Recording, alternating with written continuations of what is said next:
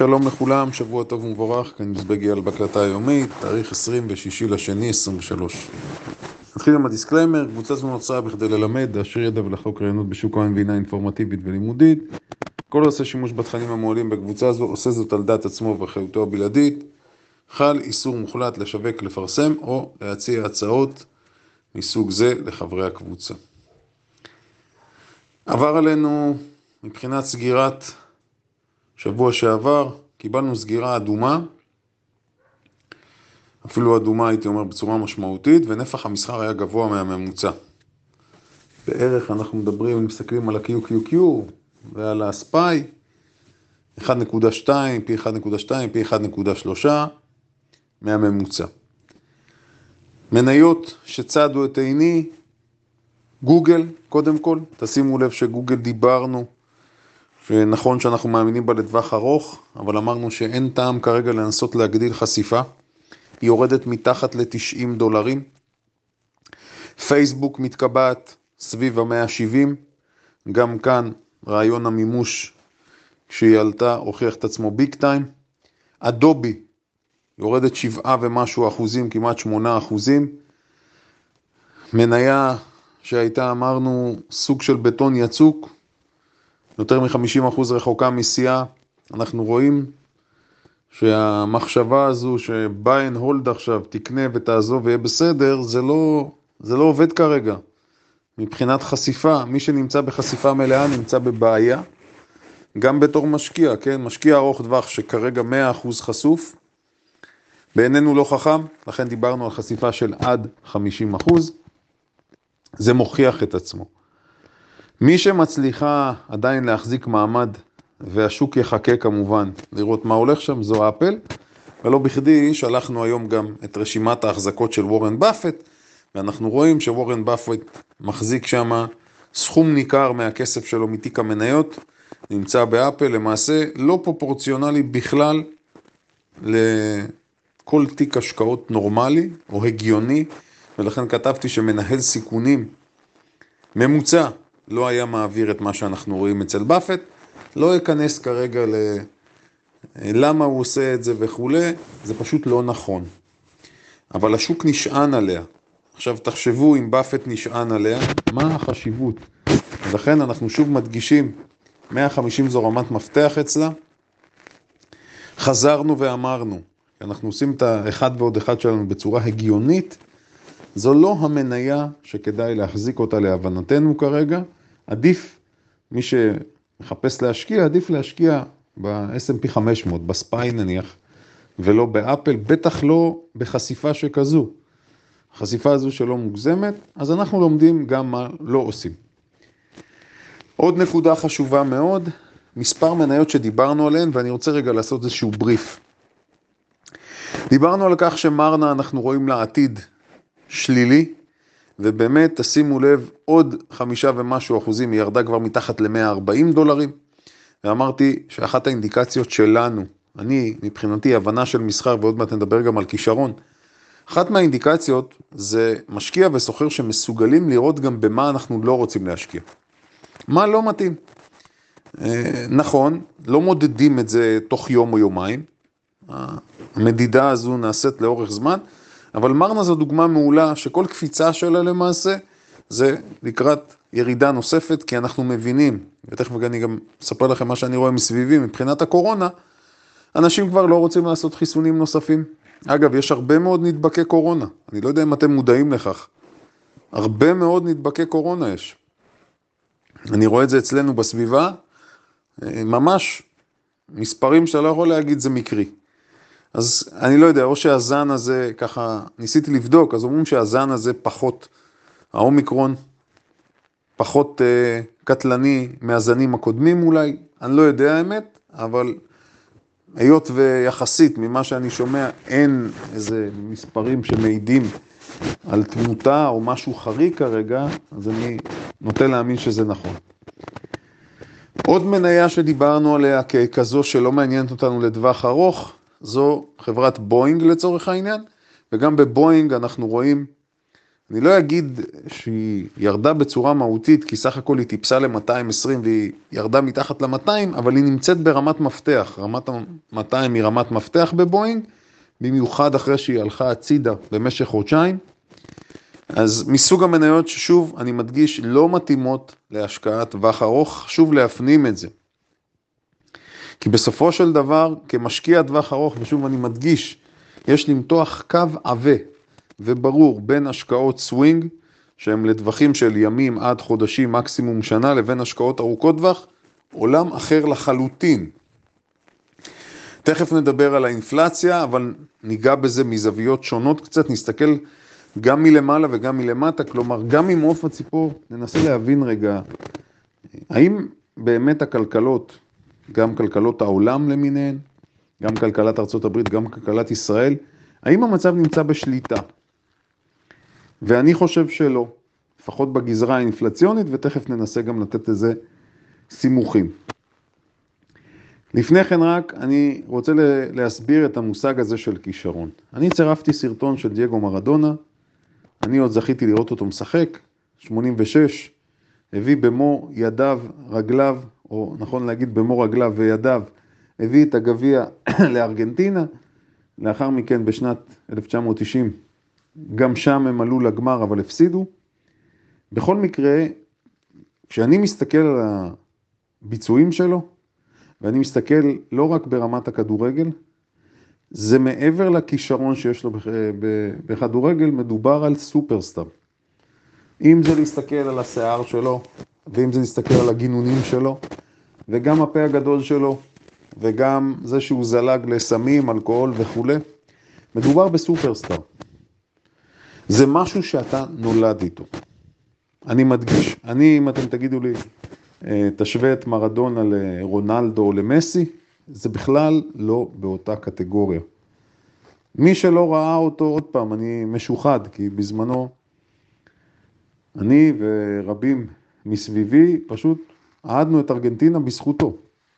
זה לא דומה למה שרואים היום. זה היה בן אדם שכל הפוקוס, כל הזרקורים היו עליו, והוא אגב הצליח לספק את הסחורה. עכשיו, מה הסיבה שאני מציין את זה? כי כשאני שומע מסביבי חברים שאני מדבר איתם, אני מדבר חברי קבוצות, או כאלה שמתעניינים ורוצים להיכנס לעולם הזה, ולא מעט אגב אנשים, חברים, רוצים להתפרנס מזה. אז כשבן אדם אומר לי שהוא רוצה להתפרנס ממסחר והשקעות, אני מאוד מאוד זהיר. בדרך כלל האינסטינקט שלי אומר לא, אל תעשה את זה. ואני חושב שמאות חברים דיברו איתי ואמרתי להם, מי שרוצה להתפרנס ממסחר ולייצר משכורת שוטפת או הכנסה שנתית ברמה שהוא צריך להתקיים ממנה, זה מאוד מלחיץ וזה מאוד מסוכן. מי שמגיע עם כרית ביטחון גדולה והוא מסודר כלכלית, וזה משהו שהוא עושה בלי לחץ לסגור את החודש, אז ברור שהתנאים הם הרבה יותר טובים, תנאי הפתיחה של הטיפוס השני שאני מתאר. עכשיו, איפה נכנס הכישרון? כי אחד הדברים שצף ועולה, אבל אני ממש רוצה את זה, ואני מרגיש, ואני רואה דברים, ואני יודע שהמהלך הזה קורה, ואני צופה את זה קורה. אני מבין הכל. אז נכון שבחיים, ותלמידים שלי יודעים, כי אני מסביר את זה בשיעור פסיכולוגיה, אנחנו מדברים על S ו-S מעולם הספורט, זה size ו skill.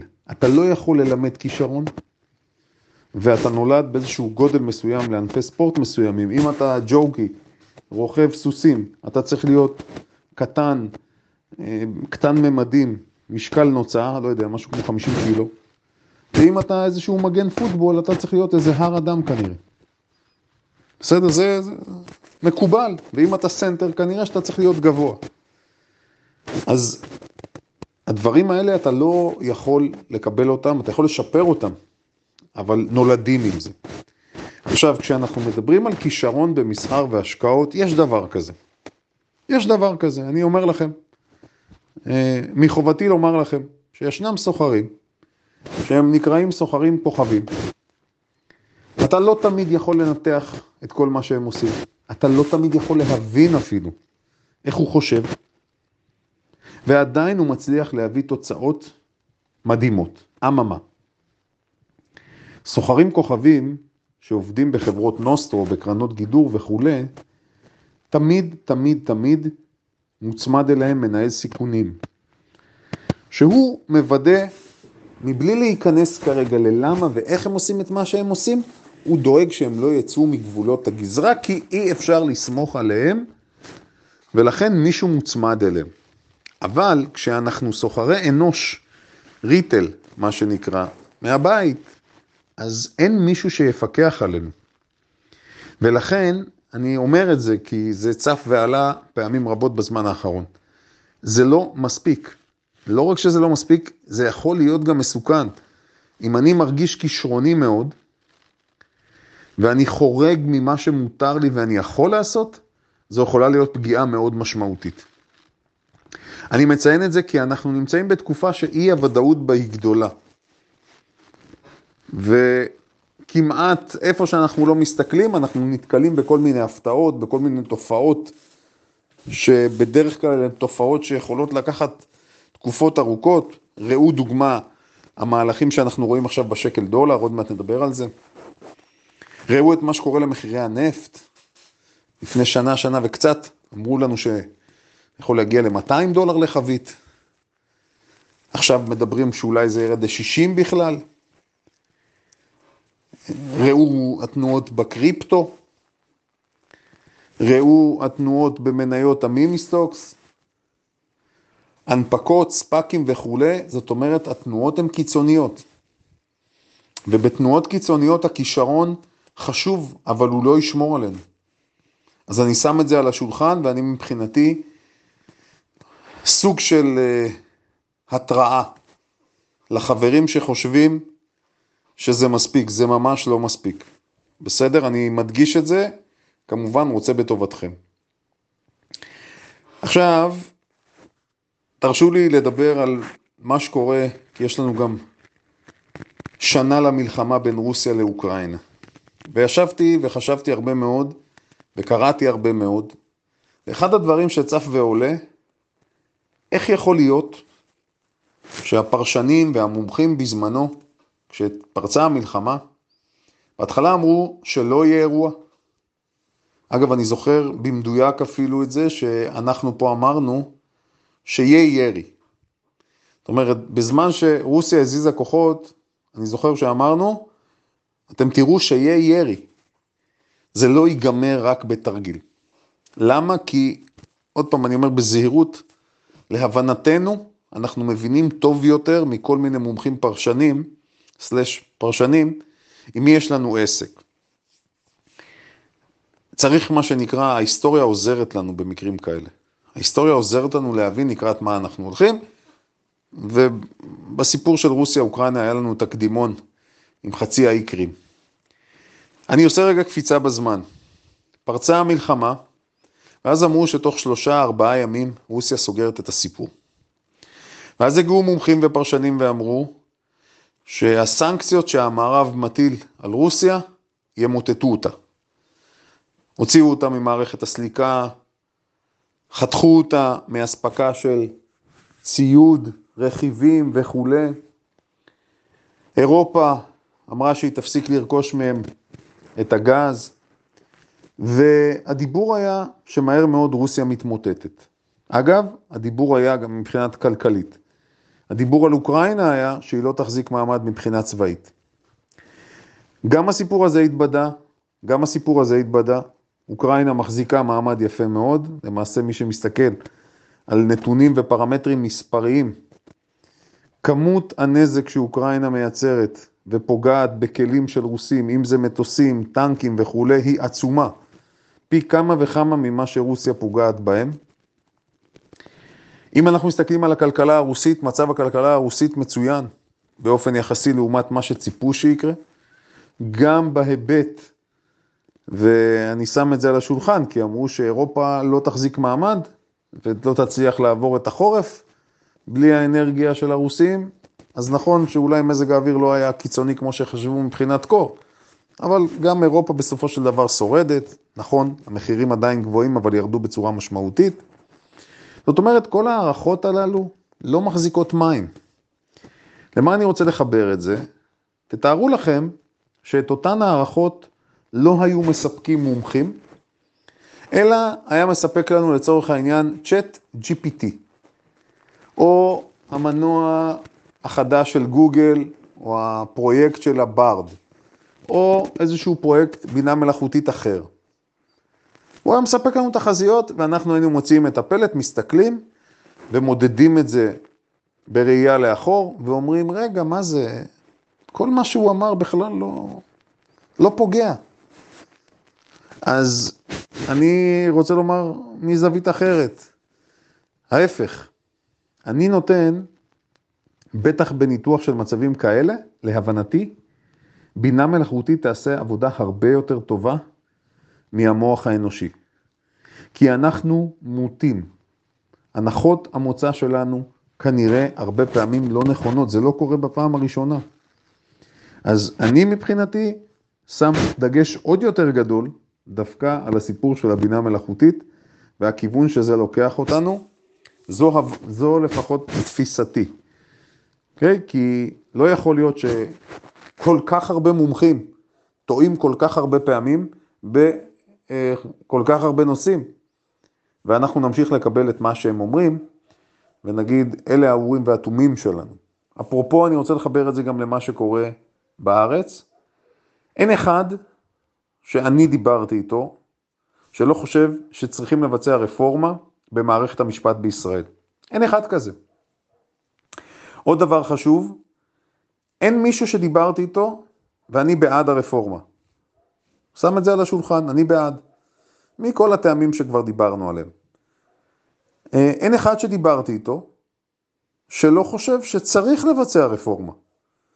זאת אומרת, גם מי שמתנגד למה שמוצע כרגע, חושב שחייבים לשנות דברים. אז אני לא מכיר מישהו שלא רוצה לשנות דברים. אני לא הולך להיכנס עכשיו לבעד ונגד, זה לא העניין. מה שאני רוצה להגיד זה משהו אחר. מה כן קורה כרגע? ופה אנחנו חוזרים עוד פעם למומחים.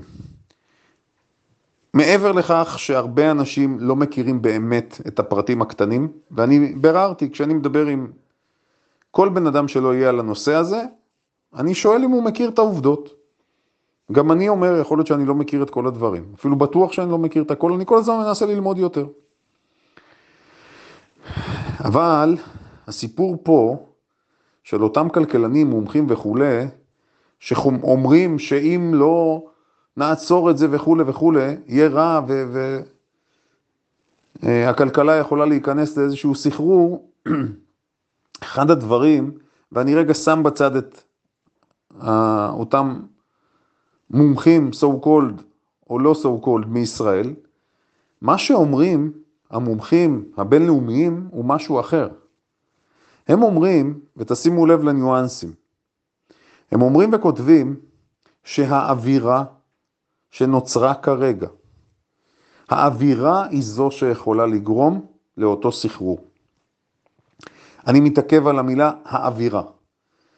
אני בהחלט מקבל פידבקים מאנשים שמסביבי. הם מפחדים, אנשים חוששים שהכספים שלהם ייפגעו. חד משמעית אני אומר את זה. לא אחד, לא שניים וגם לא עשרה. פתאום אנשים הולכים, ושימו לב מה קרה היום בבורסה, ותכף נדבר על המשק הישראלי. פתאום אנשים הולכים ובודקים מה קורה לכסף שלהם. ואז אנחנו מקבלים יום כמו היום, שהבורסה יורדת בצורה חריפה. שניים ומשהו אחוזים יורד מדד המעוף, תל אביב 35. חברות הנדל"ן יורדות בצורה משמעותית, ופתאום ישראל היא לא כזה גן עדן כמו שאמרו לנו. וזה המקום שאני רוצה לחבר את זה לנתונים עצמם. אחד מהפרמטרים שנחשבים לסוג של אינדיקציה עד כמה המשק הוא חזק או לא, כל משק, זה יחס החוב תוצר. יחס חוב תוצר, עוד פעם, זה להסתכל מלמעלה על הדברים, האם המדינה, מה שנקרא, יכולה לשרת את החובות שלה, ומה החוב הציבורי. אז במדינת ישראל, ביחס לעולם, אנחנו נמצאים במקום מדהים. לפחות, נכון לעכשיו, מה שנקרא העבודה אצלנו מה שעשו פה עד עכשיו, נכון ל-22, יחס החוב, החוב תוצר בישראל עומד על 60 אחוז בערך. שזה מדהים, ב-60, בסוף 21 זה היה 68 אחוז, וביחס למדינות העולם, המצב שלנו הוא מדהים. ואכן, לא אנחנו הכתרנו את עצמנו, אלא הכתירו את ישראל כאחת הכלכלות החזקות בעולם. האם הדבר הזה הגיוני? בעיניי כמובן שהוא לא הגיוני. ישראל, אנחנו משק קטן מאוד, אנחנו תלויים מאוד, אם אנחנו מדברים על אספקה, שירותים חיצוניים, אין לנו כמעט משאבים, נכון, מצאנו את הגז, אז זה שם אותנו במקום אחר. אנחנו נתונים לאיום תמידי. אז כל הדברים האלה, להבנתי, ישראל לא יכולה להיות באמת כלכלה כל כך חזקה. זו, עוד פעם, לשיטתי, אין לי בעיה שתחלקו עליי. האשליה שישראל אה, היא מעצמה וכולי, אני מדבר מבחינה כלכלית, כן? בעיניי זו אשליה. לא קונה את זה. ואני אנסה לעשות גם איזשהו חיבור שהוא חיבור מסובך, אבל אני, אתם יודעים שבימי ראשון ובכלל אני מוכן להסתבך. אחד הדברים שצפים עכשיו בכל הסיפור של הרפורמה, כן או לא, זה האמירה של בעלי הון. בעלי הון, הייטקיסטים ועוד כל מיני, נקרא להם האליטה, הם בעצם באים ואומרים, אם הרפורמה תעבור, לא משנה, הם יכולים לקרוא לזה מהפכה, הפיכה, מה שהם רוצים, כן? אני אגב לא מקבל את זה, אבל אין בעיה, כל אחד שיגיד מה שהוא רוצה. אנחנו נוציא את הכסף שלנו. החיבור הזה הוא חיבור מסוכן בעיניי. למה? כי זה אומר שהקול של זה שיש לו שווה יותר מהקול של זה שיש לו פחות. וזה דבר מאוד מסוכן. להבנתי, שוב אני אומר. איך אני מחבר את זה למה שקורה כשאנחנו מסתכלים עכשיו, איפה נמצאת ישראל ביחס לעולם ברמת החוב תוצר, ואיך זה קשור להתפרצות האינפלציונית. שוב, לקחתי על עצמי משימה היום כבדה. אז תראו, הנתונים עצמם אומרים, ויש, הנתונים הם קצת, אה, הם לא מעודכנים מה שיש לי, אני אשלח לכם את זה. זאת אומרת, אנחנו מדברים על סוף שנת 21, אם בישראל אנחנו מדברים על 60 אחוז כיום, יחס חוב תוצר, אז כדי להבין, בארצות הברית יחס החוב תוצר היה עומד בערך על 130-140 אחוז. זאת אומרת, ארצות הברית חייבת 28 טריליון דולר בערך, זה נכון לסוף 21. אה, גרמניה, נכון לסוף 21, אה, כמעט 70 אחוז. איטליה 150 אחוז, קנדה 112 אחוז. ישראל אגב בסוף 21 הייתה 72 אחוז. זאת אומרת, הצלחנו, המצב שלנו השתפר בצורה משמעותית. מה אני רוצה לומר לכם? שאם אנחנו מסתכלים בממוצע על 15 הכלכלות הגדולות, אנחנו רואים שהממוצע בשנת 2008 של יחס החוב תוצר היה 65 אחוז. הממוצע בסוף 21 היה 102 אחוז. זאת אומרת, החובות באופן כללי בעולם, החובות הולכים וגדלים, הולכים ותופחים. מגיעה האינפלציה המטורפת הזו עכשיו, המשמעות שלה היא הרסנית. תקופה של 13-14 שנה ריבית אפסית, ועכשיו כדי לשלם את החוב רק, תחשבו, נגיד שהריבית הייתה אחוז, והריבית עכשיו על תשלום החוב עולה ל-4-5 אחוז. אתה לא מסוגל להדביק, רק את הריבית אתה לא מסוגל להדביק. זאת אומרת, החובות אמורים להמשיך ולטפוח. אגב, ביפן, אני לא הזכרתי אותה, בטח אתם חושבים, לא הזכרתי את יפן, כי ביפן הסיפור בכלל אה, על גדר הדמיוני. יחס החוב תוצר של יפן ב-2008 היה 180 אחוז, בסוף 21 היה 260 אחוז. שאתה אומר, איך היא תחזיר את הכסף בכלל? מדובר על 13 טריליון דולר. זאת אומרת, כשמסתכלים על מה שקורה כיום בעולם, אי אפשר להתנתק מזה שהחובות הולכים ומתנפחים. אז ההיגיון הפשוט אומר שיש מדינות רבות שלא יצליחו לעמוד בזה בכלל.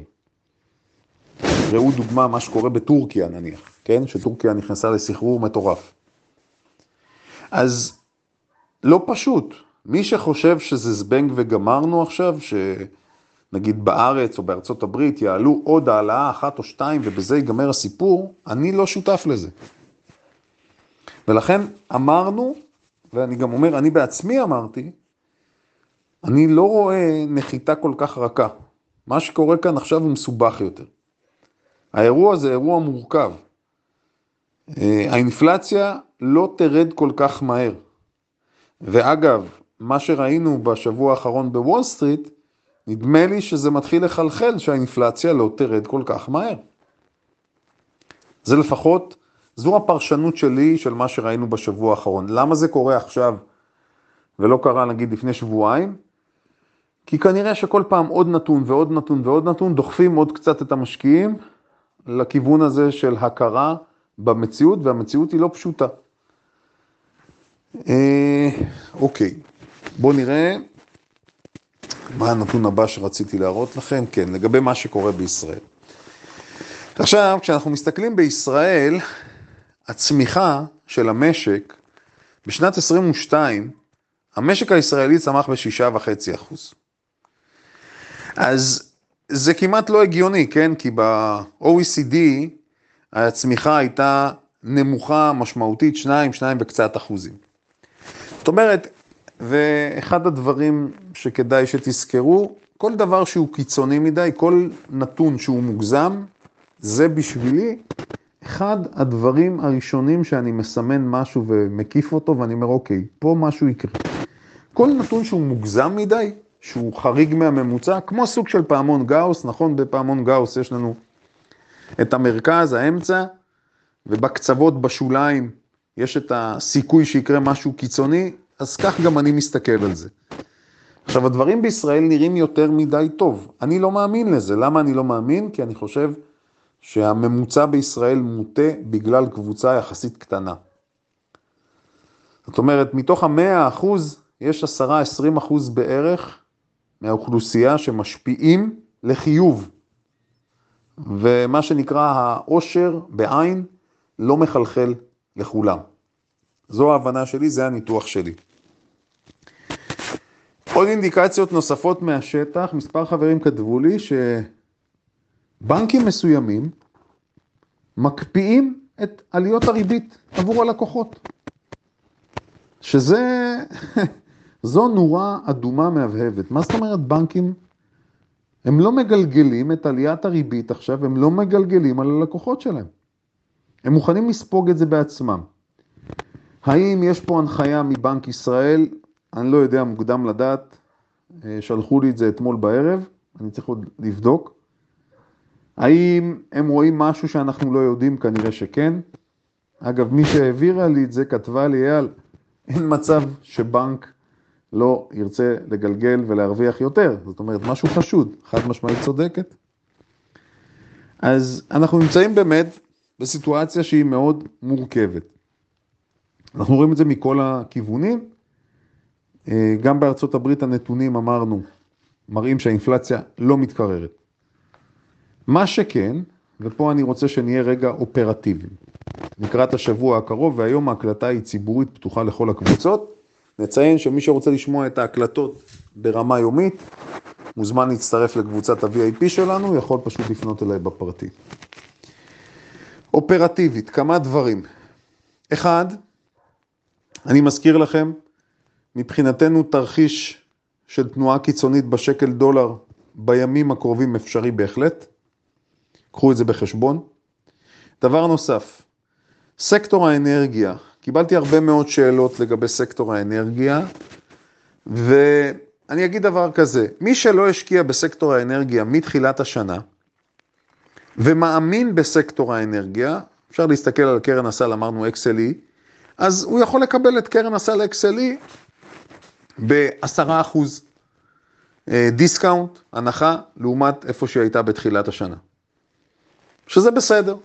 למי שמחפש את זה, עוד פעם אני אומר, ועדיין מאמין שזה הכיוון.